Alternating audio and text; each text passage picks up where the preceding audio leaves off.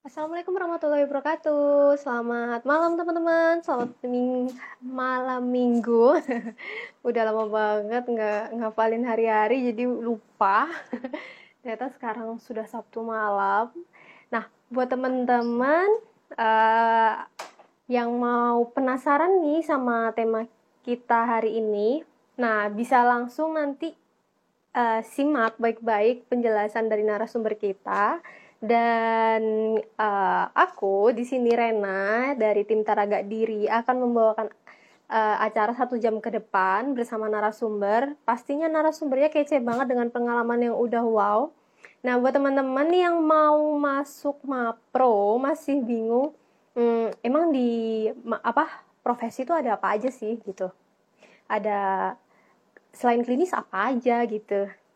Nah kalian bisa banget uh, dengerin apa yang Kak Diba omongin nanti sama aku buat jadi preferensi kalian. Ke depannya kalian mau milih oh uh, aku pengen jadi psikolog klinis oh aku ingin jadi psikolog Pio nah gitu tuh akan ada gambaran gitu. Nah tapi sebelum kita masuk dengan narasumber aku mau promosiin ke teman-teman kalau kita dari Taragak Diri ada uh, namanya konseling mingguan untuk ke depannya. Jadi buat teman-teman yang merasa butuh uh, apa ya namanya butuh uh, didengarkan atau butuh uh, namanya uh, pertolongan, nah bisa nanti konseling mingguan ke kami. Nanti akan ada form yang akan dibagikan untuk teman-teman mendaftar. Seperti itu. Nah, langsung nggak usah lama-lama, kita langsung panggil Kak Diba aja ya. Coba sebentar. Halo Kak Diba, selamat halo, malam. Assalamualaikum. Halo selamat malam. Waalaikumsalam. Iya, ternyata aslinya lebih cantik loh teman-teman. Gimana kabarnya? Alhamdulillah sehat. Gimana Mbak Diba sehat? Alhamdulillah sehat juga. Alhamdulillah. Nah, ini hmm. posisi lagi di mana nih? Kalau boleh tahu. Aku di kamar nih. di kamar di oh, Jakarta. Sama. Kebetulan lagi oh, masih PKPP. Wah, ini ini nih yang pasti bakalan jadi pertanyaan teman-teman. Uh, apa aja sih yang PK selama PKPP yang dilakuin itu apa aja? Tapi sebelum itu, okay. uh, tapi sebelum itu uh, boleh dong Kak Diba perkenal perkenalkan diri dulu. Mungkin dari tem, apa aku belum lengkap atau gimana bisa tolong bantu dilengkapi gitu. gitu. Hmm, Oke. Okay. Ya, aku perkenalan sekarang ya. Iya, oh, silahkan. Sekarang ya, oke. Okay. Ya, uh, selamat malam Mbak Rina dan teman-teman. Uh, Assalamualaikum warahmatullahi wabarakatuh. Perkenalkan, nama lengkapku dulu ya. Nama lengkapku Gani Fasari Citra Diba, bisa dipanggil Diba. Uh, umur perlu nggak? Waduh. ya, sebagai gambaran lah. Umurku 25. Wah, kalau nggak, uh, kalau nggak ini nggak apa-apa. Ini sedang. Oke. Okay, Okay. Ya, kebetulan saat ini sedang S2 Psikologi Profesi uh, tepatnya PIO ya, psikologi uh, psikologi industri dan organisasi di UGM. Nah, kebetulan dulu juga S1-nya di psikologi UGM. Gitu. Saat ini sedang uh, praktik kerja profesi psikologi berarti semester 5 eh semester 5 semester 4 saat ini. Tuh. Semester 4. Oke, okay. kita sama ya, Mbak ya. Sama ya. Tapi bedanya di sini Mbak Diba udah PKPP duluan nih. Uh, iya. Uh, Bentar lagi Mbak Rena. Awalan, oh aduh masih nanti habis Lebaran. oh iya, aku mau tanya nih, hmm, dulu tuh gimana sih awal ceritanya uh, Mbak Diba tuh tertarik ke psikologi gitu? Psikologinya dulu deh sebelum kita masuk ke Pio gitu. Apa sih gitu? Psikologinya itu kebetulan aku emang suka uh, pelajaran sosial ya, mungkin dibanding sains dulu waktu SMA. Sebenarnya psikologi termasuk sains, cuma memang beda kan, tahu kan lah ya bedanya, bedanya. Uh, kita yeah. lebih uh, apa ya kayak humanis, kayak kita uh, harus menguatkan inter, apa sisi interpersonal kita kayak gitu. Kebetulan aku suka uh, berhubungan dengan orang lain kayak gitu. Nah, Uh, kebetulan mungkin dulu lihat psikologi itu lebih ke kayak membaca karakter kepribadian. Bisa oh bisa nih aku uh, lihat orang ini sifatnya kayak gimana kayak gitu. Baru sebatas itu sih waktu SMA uh, ternyata waktu udah kuliah S1 kita mempelajari banyak hal kan dari uh, psikologi umum kayak yang eksperimen di lab kayak gitu. Nah terus ada psikologi pendidikan uh, terus ada psikologi pernikahan juga, terus ada psikologi uh, klinis tentunya, nah terus uh, psikologi industri juga tentunya uh, kita dapat kalau di S1 psikologi. Nah uh, kebetulan yang paling menarik menarik minatku tuh psikologi industri dan organisasi sih. Nah mungkin uh, aku tertariknya Pio itu lebih setelah lulus kayaknya ya. Soalnya aku tesis dulu tuh sebenarnya klinis gitu. Nah, uh, waktu setelah lulus uh, aku tuh ikut berbagai biro kayak gitu. Biro yang fokusnya di pendidikan pernah. Terus biro yang fokusnya klinis pernah. Terus kebetulan uh, aku juga pernah kerja di company kayak gitu. Fokusnya ya industri dan organisasi. Nah kebetulan aku merasa yang paling cocok kayak tempatku untuk berkontribusi itu mungkin di psikologi industri dan organisasi gitu yang settingnya organisasi yang uh, sistematis terstruktur yang kerjanya harus tak tak tak tak mungkin stressful karena diburu-buru kayak gitu ya. Tapi itu justru uh, buat aku tuh menantang dan apa ya bikin aku termotivasi terus kayak gitu. Oke jadi awalnya uh, klinis gitu ya mbak Diba ya. Terus lama lama-lama setelah pengalaman kerja kan. Uh, jadi berarti ini uh, latarnya backgroundnya Mbak Dibani setelah lulus kerja dulu berarti ya? Mm -mm. iya aku kerja dulu. Oke. Okay. oke okay, kerja dulu di mana kalau boleh tahu Mbak Diba? Di salah satu perusahaan manufaktur kosmetik. Pasti tahu sih mereknya. Oh. Iya iya. Sebenarnya aku sudah menangkap mm -mm. gitu Oke, nah iya. mungkin dari situ dari situ uh, ada apa melihat apa ya uh, cara kerja yang sistematis, terstruktur, terus ada challenge-challenge uh, project sendiri di sana. Jadi itu menjadi tantangan. Terus uh, Mbak Diba merasa itu aku banget gitu feelnya gitu ya. Nah, uh, oke okay, aku sudah dapat poinnya. Nah selanjutnya gini uh, mungkin buat teman-teman yang masih SMA atau yang mau masuk nih kuliah tahun ini gitu, uh, mereka nih masih bingung sebenarnya psikolog industri organisasi itu apa sih, Mbak Diba bisa tolong dijelaskan gitu? Nah, mungkin aku jelasin dulu kali ya tentang psikologi industri dan organisasinya dulu sebelum psikolog industri dan organisasinya. Nah, kalau psikologi hmm. industri dan organisasi ini aku uh, citasi dari Rigio tahun 2010. Dia uh, mengemukakan kalau psikologi Pio adalah cabang psikologi yang melakukan kajian tentang fenomena, perilaku, dan proses mental dalam lingkungan pekerjaan. Nah, itu adalah psikologi industri dan organisasi. Nah, sebenarnya kan ada dua komponen komponen nih, yaitu psikologi industri dan psikologi organisasi. Nah, kalau aku citasi ini dari Jax dan Brit 2008, ini kalau anak um, mahasiswa yang masuk dia tuh buku wajib Jax dan Brit. Nah, kalau uh, psikologi industri itu penjelasannya adalah ilmu yang berhubungan dengan manajemen SDM. Nah, itu fokusnya berpusat pada individu Nah, sedangkan kalau psikologi organisasi itu adalah ilmu untuk memahami perilaku kerja individu di setting organisasi gitu. Sebenarnya mirip-mirip banget ya, cuma uh, kalau kita telusuri lebih lanjut, topiknya itu sebenarnya berbeda. Uh, misalkan nih, kalau psikologi industri itu sangat berkaitan dengan sistem SDM di perusahaan, contohnya rekrutmen seleksi, terus kompensasi, terus training, penilaian kinerja, kayak gitu. Nah, kalau psikologi organisasi itu yang lebih psikologisnya lah istilahnya.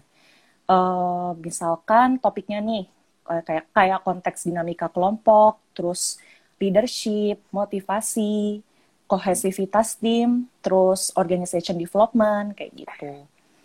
Nah, uh, tadi kan udah dapat penjelasan ya psikologi industri dan organisasi. Nah, sekarang aku pengen jelasin psikolog Pio.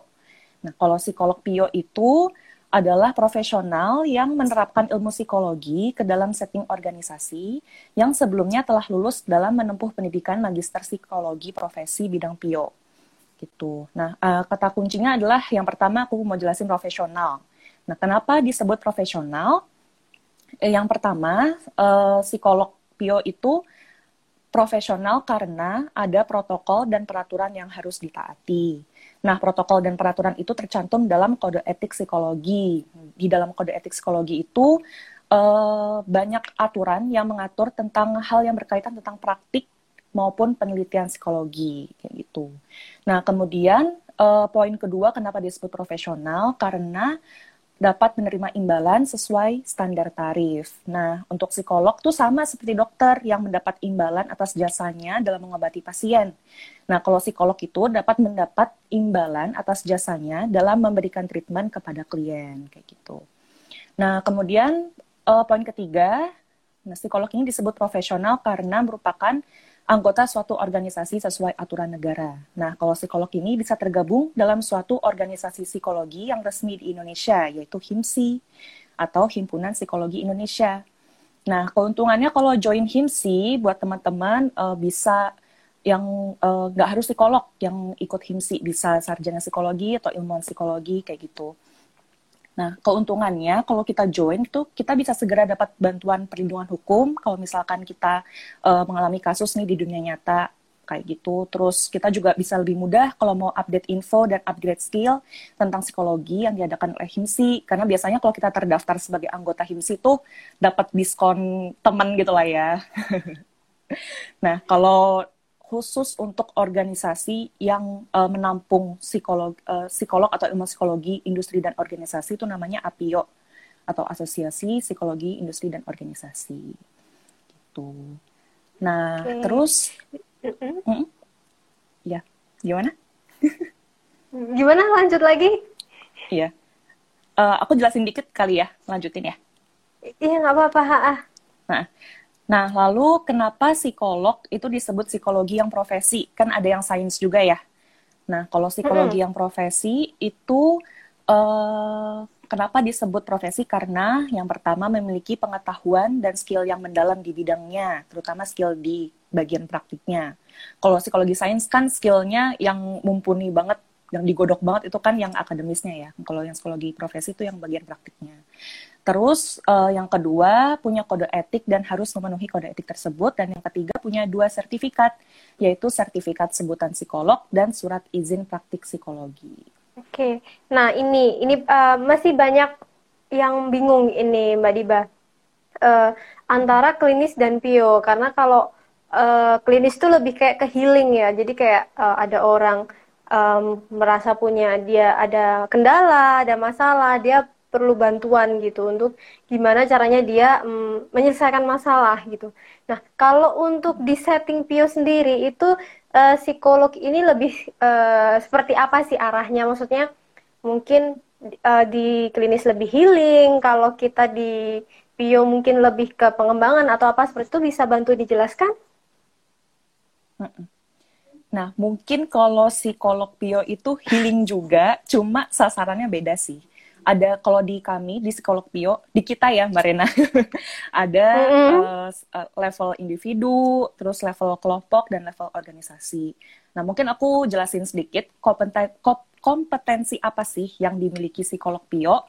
Nah, uh, kompetensi yang paling menonjol nih kita uh, yang pertama dapat melakukan assessment kemudian diagnosis, kemudian intervensi kayak gitu.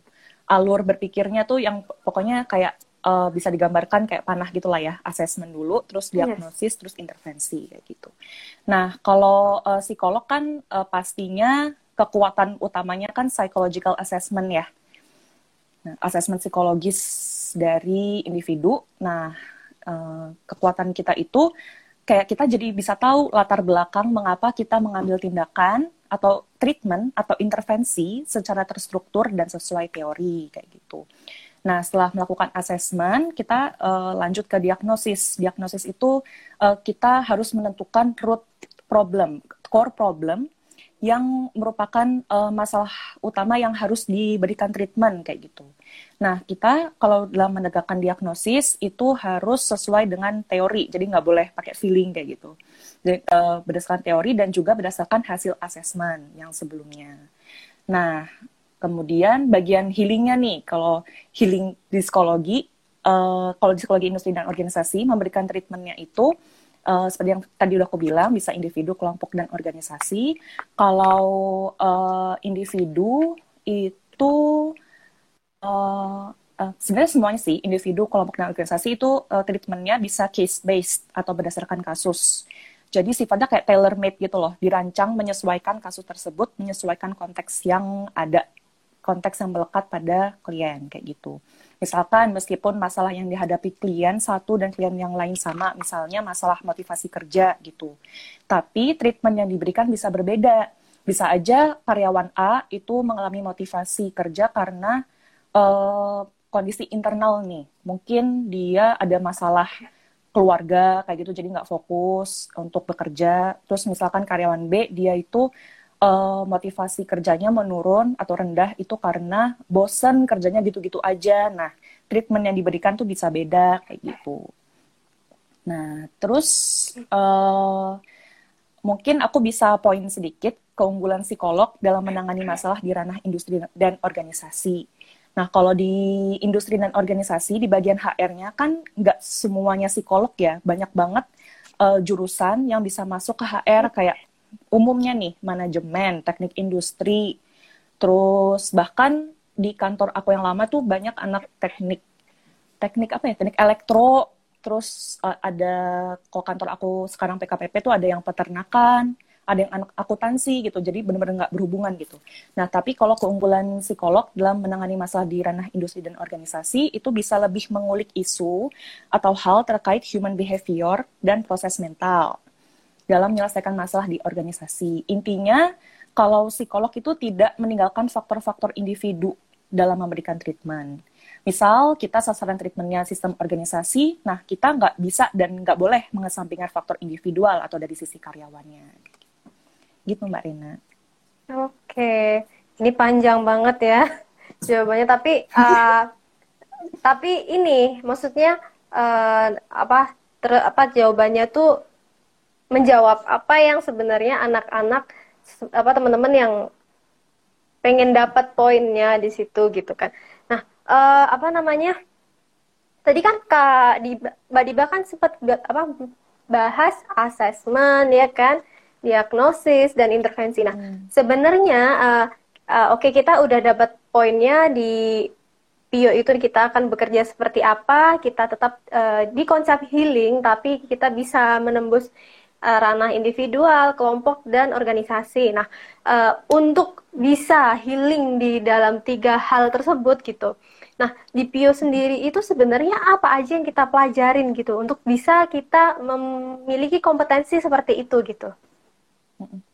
Uh, mungkin kalau boleh aku cerita kali ya, uh, aku sudah yeah. menempuh apa aja uh, buat gambaran uh, teman-teman yang mungkin ada keinginan pengen daftar mapro dan bingung mungkin mau klinis mau industri mau pendidikan.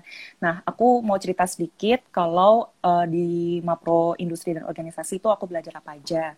Nah, uh, dimulai dari durasi nih. Kalau durasi pendidikan mapro tuh kurang lebih lima semester atau dua setengah tahun, tapi bisa juga lebih cepat kayak gitu. Nah, kalau kilas balik, aku semester 1 kemarin, itu aku belajar yang pertama ke magisteran dulu, sama yang kedua intervensi. Nah, kalau ke magisteran, kenapa kita diajarin ke magisteran? Uh, eh, aku jelasin dulu sih. Ke magisteran itu uh, diajarkan dasar-dasar penelitian, kayak metode penelitian, ada kayak kuantitatif, kualitatif, kuasi eksperimen, itu kita uh, digodok lebih dalam dibanding waktu S1 psikologi. Dan kita juga bisa review yang dulu kita udah pelajarin kayak gitu. Nah, uh, terus selain metode penelitian juga ada kayak filsafat kayak gitu. Terus uh, mungkin kalau aku bisa jelasin ke kemagisteran itu kita tetap harus diajarin karena meskipun kita masuk mapro tujuannya mungkin ada yang ingin menjadi praktisi psikologi uh, kita tuh nggak boleh meninggalkan prinsip scientist practitioner approach gitu Maksudnya, sebelum kita memberikan treatment, kita harus melakukan penelitian atau penggalian data dulu kan uh, di lapangan, misalnya pakai kuesioner atau asesmen psikodiagnostik kayak wawancara, FGD, observasi, psikotes kayak gitu. Uh, karena uh, kita harus uh, punya basic penelitian yang kuat dalam membuat panduannya kayak panduan wawancara, FGD observasi itu kita harus uh, memastikan validitas dan reliabilitasnya kayak gitu. Nah kemudian uh, selain kemagisteran, kita juga belajar intervensi. Nah tapi masih dalam teori gitu ya. Intervensinya itu aku uh, mungkin bisa jelasin dulu intervensi itu adalah upaya mengubah perilaku atau proses mental saat ini menuju ke arah yang lebih baik. Nah, itu mungkin bisa disebut sebagai healing yang tadi Marina bilang ya. Nah, kalau hal yang diintervensi di PIO itu tidak melulu harus yang bermasalah, tapi bisa mengoptimalkan suatu hal supaya mencapai lebih dari standar gitu. Nah, uh, tadi kan aku udah bilang sedikit ada tiga level perilaku di organisasi individu. Uh, itu bisa aku uh, sebutkan topiknya yang biasanya muncul gitu. Ada biasanya motivasi atau emosi karyawan, terus uh, level berikutnya kelompok, contohnya kayak hubungan interpersonal, dinamika kelompok, leadership, terus kalau level organisasi itu ada sistem sama budaya kayak gitu. Nah, kalau contoh treatmentnya atau intervensinya tuh apa? Misal bisa uh, individu nih bisa konseling, coaching, mentoring kayak gitu. Kalau kelompok itu lebih ke training tentang kelompok, misalkan efektivitas kelompok. Nah, kalau organisasi treatmentnya apa? Bisa jadi restrukturisasi organisasi, terus penanaman budaya dan lain sebagainya. Kayak gitu. Nah, itu baru semester satu ya. Uh, terus kalau semester 2 kita itu belajar kode etik sama sih kayak, kayak S1 psikologi kan kita juga belajar kode etik ya. Tapi kita di sini hmm. fokus banget gitu kayak lebih belajar pasal per pasal gitu. Jadi kita harus tahu kita tuh harus eh, sebagai praktisi dan peneliti juga kita tuh harus tahu apa aja aturan yang uh, berlaku kayak gitu. Nah, setelah kode etik di semester 2 itu kita bisa ambil minor gitu. Nah, buat teman-teman yang masih penasaran misalkan uh, udah masuk PIO, tapi penasaran di klinis tuh belajar apa sih? Nah, itu bisa kita ambil minor klinis. Atau mungkin penasaran di pendidikan belajar apa ya? Bisa kita pilih minor pendidikan, kayak gitu. Nah, kemudian di semester 2 itu juga mulai praktik intervensi, tapi skalanya masih di kelas, kayak gitu. Nah, uh, kalau di tempatku itu kita dibagi berkelompok, kemudian kita diberi penugasan blind case dan real case. Nah, kalau blind case itu kita dikasih kasus tertulis dari fakultas. Nah, kasusnya itu biasanya adalah kasus nyata perusahaan dan tapi itu kita udah dapat hasil asesmennya. Jadi kasusnya itu adalah kasus yang dihadapi oleh kakak tingkat kita saat kakak tingkat kita itu PKPP gitu. Nah, kasusnya itu udah disamarkan sih namanya. Jadi kita sudah dapat hasil hasil asesmennya kayak verbatim wawancara, hasil observasi. Nah, kita tuh dituntut untuk mengetahui gimana caranya mengolah hasil asesmen kayak gitu. Nah, setelah mengolah hasil asesmen, kita dituntut untuk menegakkan diagnosis atau root problem yang tadi aku sudah bilang tadi. Kemudian kita juga dituntut untuk memberikan saran uh, treatment atau intervensi atau healingnya tadi itu. Nah, kemudian tantangan berikutnya uh, masih di semester 2 real uh, setelah real case eh setelah blank case kita uh, diberi penugasan real case. Nah, real case itu kita diminta untuk mencari satu perusahaan. Nah, udah mulai nyata nih, udah terjun ke dunia nyata. Uh, mencari satu perusahaan, kemudian kita melakukan asesmen beneran, kita wawancara, kayak gitu bisa observasi juga. Nah kebetulan kalau aku kemarin karena udah masuk generasi pandemi jadi aku kemarin real case-nya online jadi cuma bisa wawancara gitu. Nah terus uh, setelah itu kita juga sama menegakkan diagnosis kemudian memberikan saran intervensi. Nah tapi di tugas-tugas dan real case ini kita pasti didampingi sama si uh, psikolog atau praktisi psikologi dari dosen kita kayak gitu. Pokoknya udah melalang buana di mana-mana gitulah Nah, kemudian kita ada uh, kayak diskusi terbuka gitu. Jadi satu kelas, kalau kelasku jumlahnya 34 orang. Nah, diskusi uh, kita presentasi uh, uh, case yang kita dapatkan, kemudian hasil asesmen, hasil diagnosis, treatment yang kita sarankan.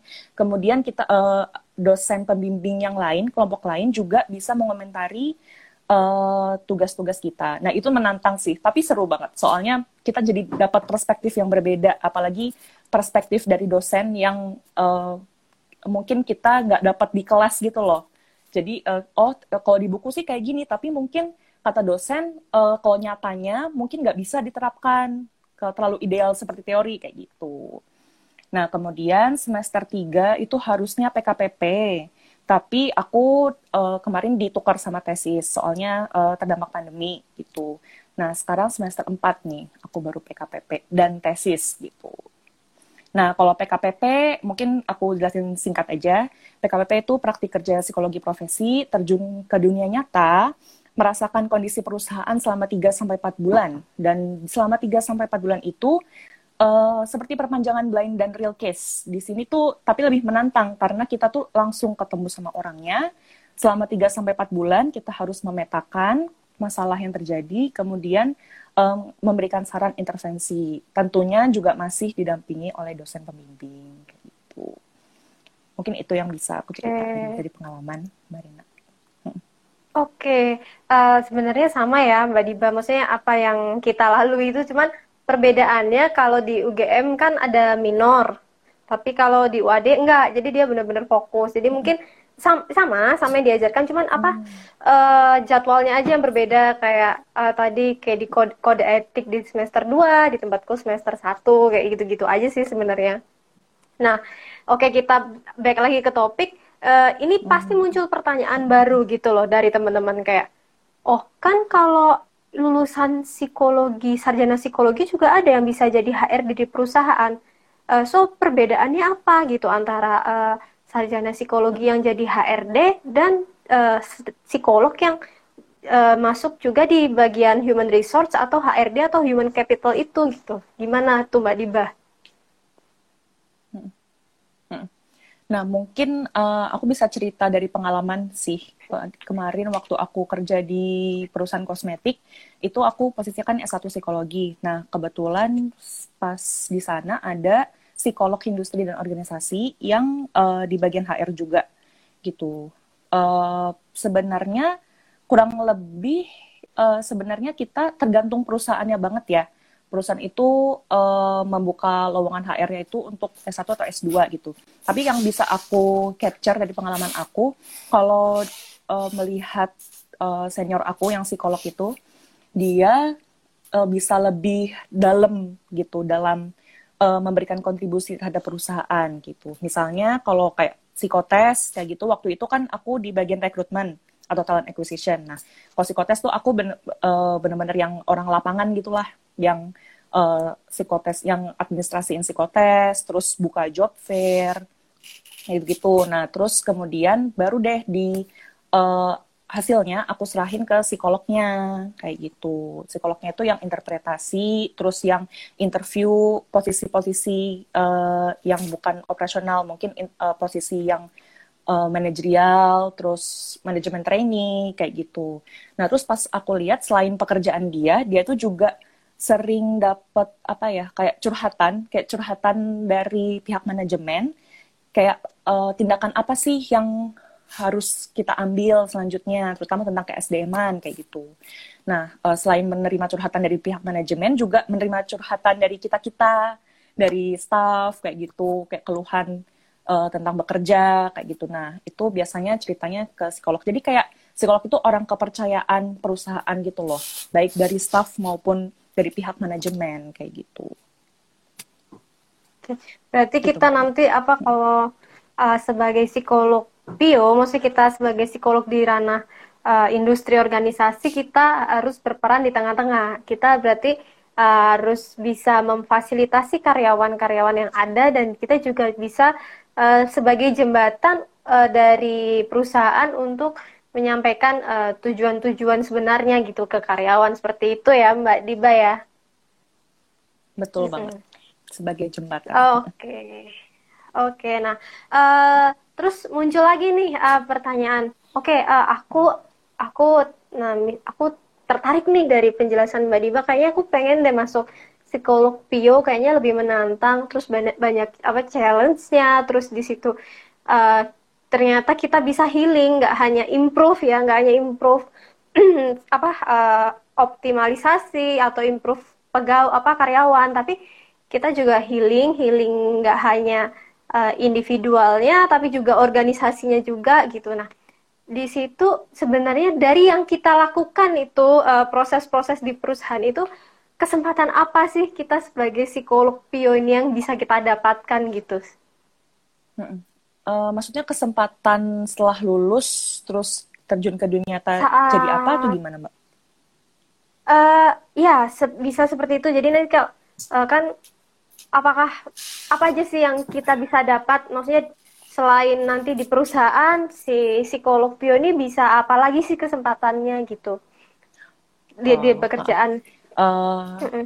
Mm -mm. mungkin uh, kayak nanti kalau udah lulus kita bisa kerja di mana aja gitu ya mm -mm. nah uh, bisa kan uh, tadi kalau aku udah sedikit cerita kan kita dididik sebagai scientist practitioner gitu ya ilmuwan dan praktisi kayak gitu jadi kita bisa ke dua ranah itu gitu. Yang pertama ranah akademis, yang saintisnya, yang kedua yang uh, apa tuh namanya practitioner, nah praktisi.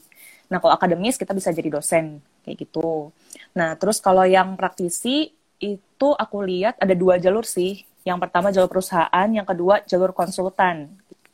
Nah kalau di perusahaan uh, mungkin teman-teman yang udah pernah kerja atau uh, pernah dengar-dengar di HR itu kan divisinya di dalam HR itu kan banyak banget ya nggak cuma rekrutmen seleksi aja mungkin uh, teman-teman psikologi itu lebih kenalnya sama uh, divisi rekrutmen dan seleksi karena emang uh, strength kita yang paling kuat itu kan di psychological assessment gitu.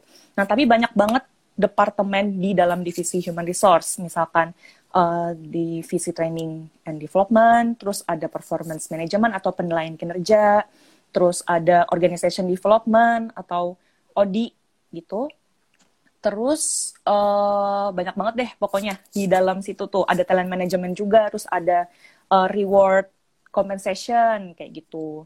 Nah sebenarnya kita sebagai psikolog industri dan organisasi dan organisasi itu bisa masuk ke ranah HR yang mana aja kayak gitu. Karena emang uh, waktu kuliah itu benar-benar digodok semua uh, bagian-bagian HR itu kita kayak udah dikasih contoh kasus terus kita harus menyelesaikannya kayak gitu di kelas gitu. Jadi benar-benar kita udah punya gambaran ada divisi apa aja sih di HR jadi kita bisa siap nanti kalau kita terjun ke lapangan gitu nah terus yang kedua tuh jalur konsultan nah uh, mungkin kalau konsultan aku nggak bisa cerita terlalu banyak karena mungkin pengalaman aku kemarin di perusahaan gitu. Kalau di konsultan itu kita spesifikasinya ke audit organization development. Jadi kita melakukan uh, tiga tahap tadi, yang assessment, diagnosis, terus intervensi gitu. Nah konsultan tuh mungkin uh, sama kayak biro psikologi yang klinis gitu ya, nerima klien, terus uh, klien cerita masalahnya, terus kita harus menegakkan diagnosis, nah terus mem memberikan treatment supaya mereka bisa healing atau improve kayak gitu.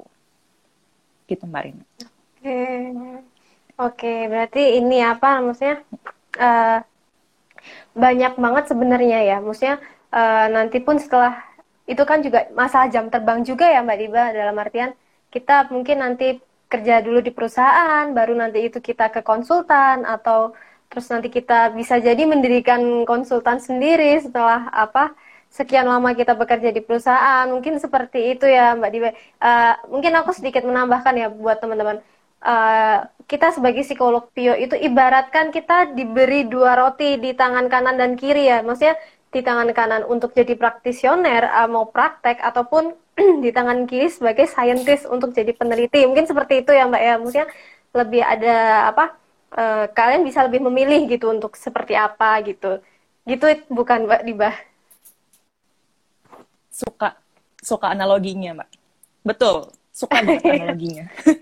Kita benar-benar yeah. ada dua sisi dan nggak boleh meninggalkan salah satu. Pokoknya kalau kita jadi praktisi, mm. kita tetap harus membawa basic uh, ini kita apa saintis kita karena uh, misalkan jadi praktisi kita memberikan intervensi itu benar-benar harus pakai dasar teori dan asesmen yang valid dan reliable kayak gitu. Mm -hmm, Oke, okay.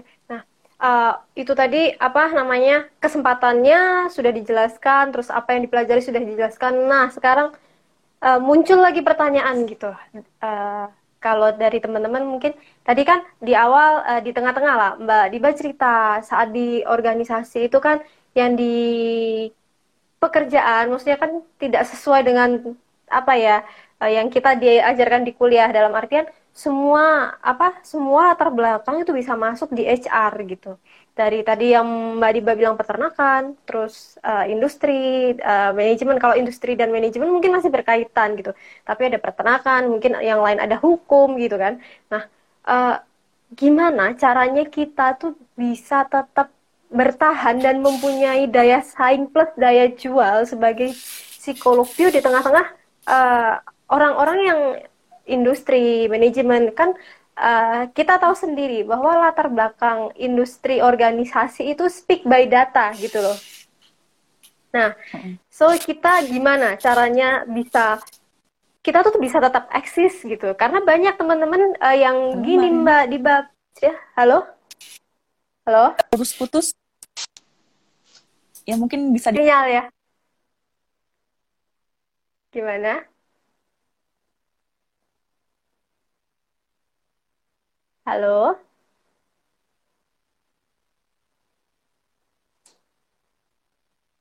Cek, cek.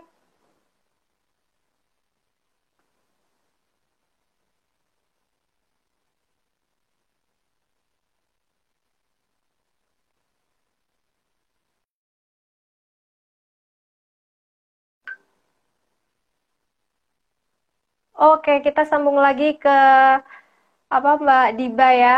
Coba, kayaknya ini agak keputus deh. Bentar.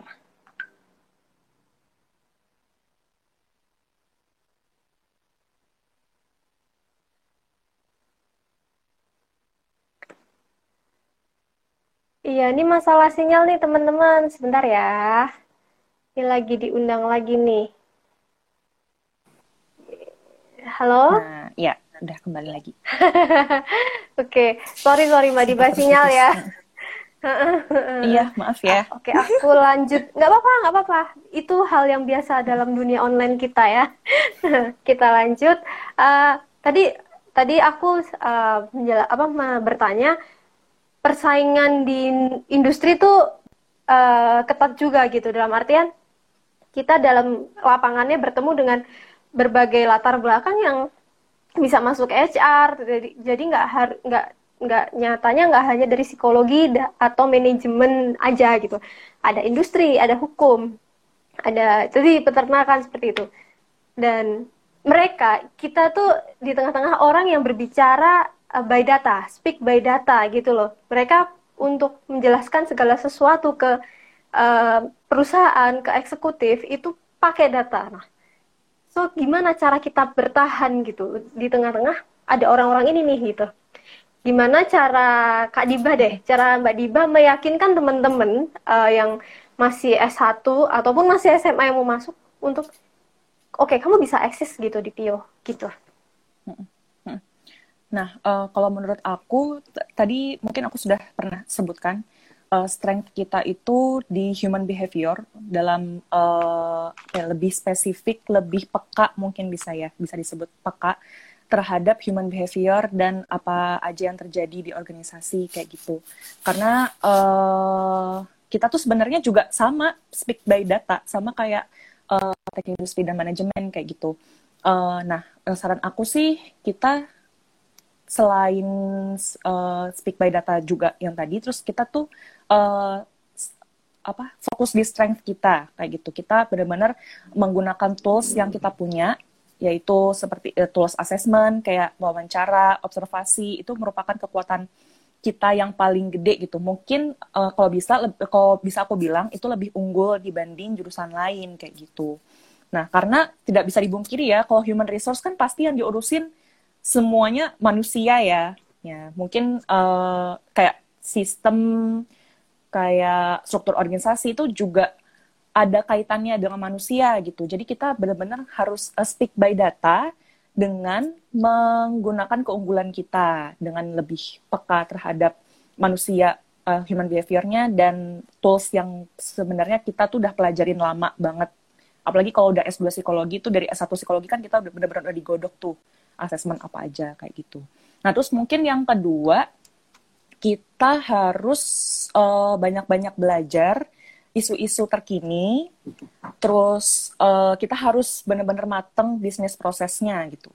Nah, mungkin uh, ada beberapa orang atau mungkin aku sendiri yang pernah terjebak kayak aku tuh pengennya maunya belajar psikologi industri uh, dan organisasinya aja nih kayak psikologinya aja pengennya kayak belajar asesmen aja kayak gitu. Terus Padahal kita tuh benar-benar harus tahu bisnis proses yang terjadi di perusahaan kayak gimana gitu. Nah, kalau bisnis proses kan biasanya yang paling unggul tuh anak-anak manajemen gitu ya.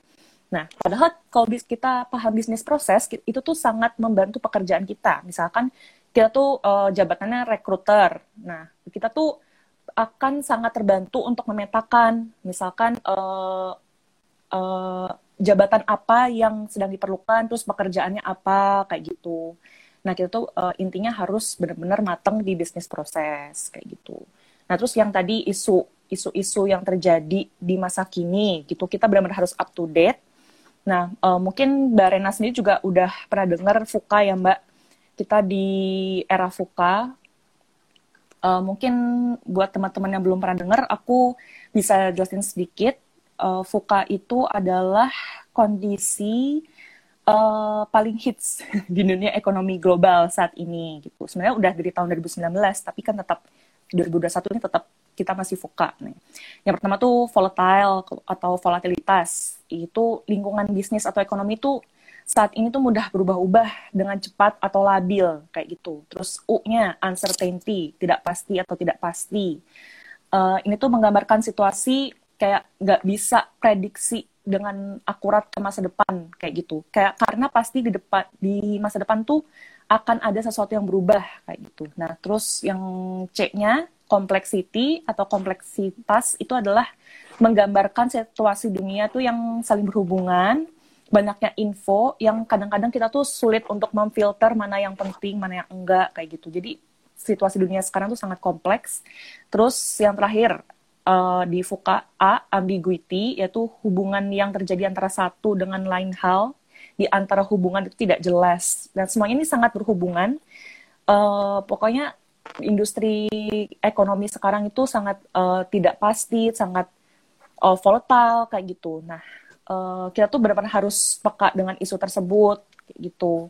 Nah, mungkin tantangan psikolog Pio nanti itu uh, dalam mendampingi perusahaan dalam menghadapi era FUKA gitu. Jadi uh, kita sebagai psikolog Pio itu mendampingi perusahaan dalam menghadapi era FUKA karena lingkungan yang berubah, tidak jelas, arah ke depannya tidak pasti dan sangat dinamis kayak gitu.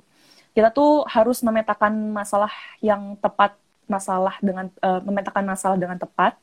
Kemudian kita juga harus mampu memprediksi improvement atau treatment atau healing apa yang tepat untuk klien kita perusahaan di masa depan kayak gitu. Gitu Marin. Oke okay, itu tadi uh, itu tadi. Apalagi sekarang uh, di, di kondisi kita pandemi ya kan? Uh, di mana posisi banyak perusahaan itu bertahan gitu. Lebih cenderung ke bertahan. Dan kita harus maksimalin apa yang ada di perusahaan. Nah itu sekarang mungkin tantangannya ya Mbak Diba ya. Nah uh, uh, apa kalau selama apa uh, selama PKPP ini gitu yang baru step yang baru Mbak Diba lalui itu apa sih sekarang gitu Halo? Kalau aku kebetulan baru dua minggu, baru jalan dua minggu PKPP, itu kita masih observasi hmm. gitu sih. Uh, jadi kan kita dituntut untuk me apa ya menjalani tiga tahap. Seperti yang tadi udah aku bilang yang pertama asesmen kemudian diagnosis kemudian memberikan saran intervensi kayak gitu. Nah kalau aku baru dua minggu nah dua, baru dua minggu ini aku lebih ke observasi sama sedikit sedikit wawancara kayak gitu sih. Jadi nanti uh, kita harus melalui asesmen itu kayak menyebarkan kuesioner terus wawancara wawancara ke key person di organisasi yang benar-benar paham banget bisnis proses, terus apa aja kondisi eksternal di dunia bisnis mereka yang berpengaruh terhadap bisnis mereka tuh apa aja kayak gitu. Nah kita nanti rencananya akan kuesioner terus uh, wawancara terhadap key person sama sambil jalan terus tuh observasi kayak gitu. selama satu bulan sih kurang lebih kita bakal asesmen, terus kemudian diagnosis dan intervensinya di dua bulan berikutnya. Gitu. Oke. Gitu, Berarti sekarang masih di tahap uh, pengumpulan data gitu ya istilahnya Mbak Diba ya, mungkin masih uh, mengamati, observasi dan wawancara. Uh, key person ini buat teman-teman yang belum paham, key person ini adalah orang-orang kunci di perusahaan di mana yang tahu tentang data-data penting perusahaan gitu. Jadi kenapa Mbak Diba lebih ke key person, ke orang-orang kunci karena lebih mudah untuk mendapatkan data gitu teman-teman. Jadi uh, apa misalnya ada masalah ke keuangan, oh kita misal ke bagian finance nih, finance nih siapa nih? Manajernya gitu. Terus misalnya uh, bagian ada uh, sepertinya aku mau lihat deh bagian SDM-nya kita ke mana gitu. Misalnya ke bagian uh, human capitalnya. Kita nemuin siapa? Ketemu manajernya. Atau uh, general manager gitu. Atau as asisten manager seperti itu. Jadi uh, jadi kita dalam mengumpulkan data kita harus tepat guna ya Mbak Diba supaya kita tuh nggak wasting time karena kan uh, nantinya kita di perusahaan itu kita juga dituntut selain data yang akurat uh, dan data yang valid itu juga orang-orang yang tepat juga gitu ya Mbak Diba ya gitu. Iya, ini Betul. Siapa? Ini seperti uh, yang disampaikan Naon oleh Naon Yanci, data iya. yang valid. Iya, data yang valid iya. ya dari pesan betul sekali karena benar-benar mm-hmm. tahu kondisi Bener. internal dan eksternal perusahaan. Mm-hmm. Karena kalau uh, sejauh ini ya kita sharing-sharing ya Mbak Diba ya. Kalau dari karyawan itu kan lebih banyak ke dia kekeluhan, jadi lebih jatuhnya subjektif apa subjektif jawaban yang subjektif gitu sedangkan uh, balik lagi kita harus tahu tujuan perusahaan sendiri itu apa nilai-nilai yang dianut seperti apa budayanya seperti apa seperti itu. Nah uh, mungkin aku akan tanya lagi ke Mbak Diba. Maksudnya kita dalam belajar di Mapro ini di profesi ini kan punya kesulitan masing-masing ya. Uh, aku susah nih di bagian intervensi ini kayaknya rasanya susah banget. Nah kalau Mbak Diba sendiri dalam selama apa ya masuk empat semester ini apa sih yang paling susah untuk dipelajari untuk Mbak Diba gitu? Statistika. Sama. Statistika sih. iya iya. Semua iya, orang. bener-bener. Sama-sama. Yang mau masuk psikologi hmm. kan biasanya menghindari matematika ya ternyata tetap nah, ketemu sampai S2 jangan dianggap ini ya jangan dianggap oh psikologi ilmu sosial. Kita lebih ke human behavior kita lihat perilaku orang. Tapi ternyata di situ juga harus ada validitasnya. Seperti itu ya mbak ya. Bobo aja. Ah, itu tuh. Iya jadi uh, apalagi kayak statistikanya tuh diajarin yang lebih mendalam gitu. Di kelanjutan dari S1 gitu deh Nah, psikometri itu kata naonnya Ci, naon yanci psikometri. Kayak kita, oh ya psikometri juga pusing. Kita uh, namanya kalau di UGM penyusunan alat ukur psikologi mata kuliahnya kita uh, diminta untuk merancang kuesioner kayak gitu, merancang sendiri dari awal. Kan biasanya kalau uh, dia satu sebenarnya juga diajarin, cuma kita kalau aku kemarin itu benar-benar ambil data dari lapangan, data kualitatif dulu, kemudian diolah jadi data kuantitatif atau kuesionernya kayak gitu. Itu menantang juga sih, selainnya statistika. Ya, bener banget sama sih Mbak Diba. Jadi uh, buat teman-teman yang uh, ngira untuk angket kepuasan konsumen di misal di uh, Indo April atau di uh, apa supermarket singa itu, nah itu nggak bisa kita langsung nyebar. E, saya puas, saya tahu tidak. Jadi kan ada hitungannya gitu ya Mbak Diba. Jadi uh, kita berdasarkan teori tertentu kita turunkan, terus kita juga lihat juga di lapangan seperti itu ya Mbak Diba ya. Mm-mm, betul banget. Mm. Yang benar-benar berkesan, mungkin aku mau cerita dikit. Yang benar-benar berkesan Boleh. sih uh, itu yang tadi uh, di sisi intervensinya sih, yang ini merupakan mungkin fokus dari mapronya. Uh, yang enaknya itu kalau masuk mapro kita benar-benar step by step diajarin dulu uh, teori dulu, teori intervensinya dulu, uh, kayak uh, misalkan nih kalau intervensi kelompok kita dikasih tahu dulu teori-teori pembentukan kelompok yang forming, norming, storming yang itu uh, benar-benar dasar teorinya dulu, terus kemudian nanti dikasih penugasan, penugasannya di kelas dulu, penugasan dari buku kayak kasus di luar negeri kayak apa uh, terus benar-benar nyocokin teori kayak gitu. Masih simple. Nah terus step berikutnya blind case yang kita yang tadi aku cerita yang uh, kita dapat kasus nyata dari kakak tingkat terus kita benar-benar sampai uh, mengolah hasil asesmen terus kemudian memberikan saran intervensi gitu ya terus uh, tahap berikutnya real case jadi kayak tingkat kesulitannya tuh semakin lama semakin meningkat jadi kita kayak nggak kaget gitu sih benar-benar dari awal diajarin dulu pelan-pelan gitu. Yang real case itu uh, kita benar-benar ke lapangan nyari data beneran wawancara karyawan. Nah, kemudian yang paling menantang dan step paling penting dan yang terakhir selain tesis nih itu PKPP gitu. Nah, PKPP juga ada ujiannya ya, Kak. Jadi kita ujiannya dua. Iya, iya. Tesis dan ujian PKPP. Iya. Banget, apalagi sekarang sambil jalan tesis. Masya Allah sekali. iya. Iya. Oh, Mbak Rena berarti lagi tesis juga ya? Oh, sama.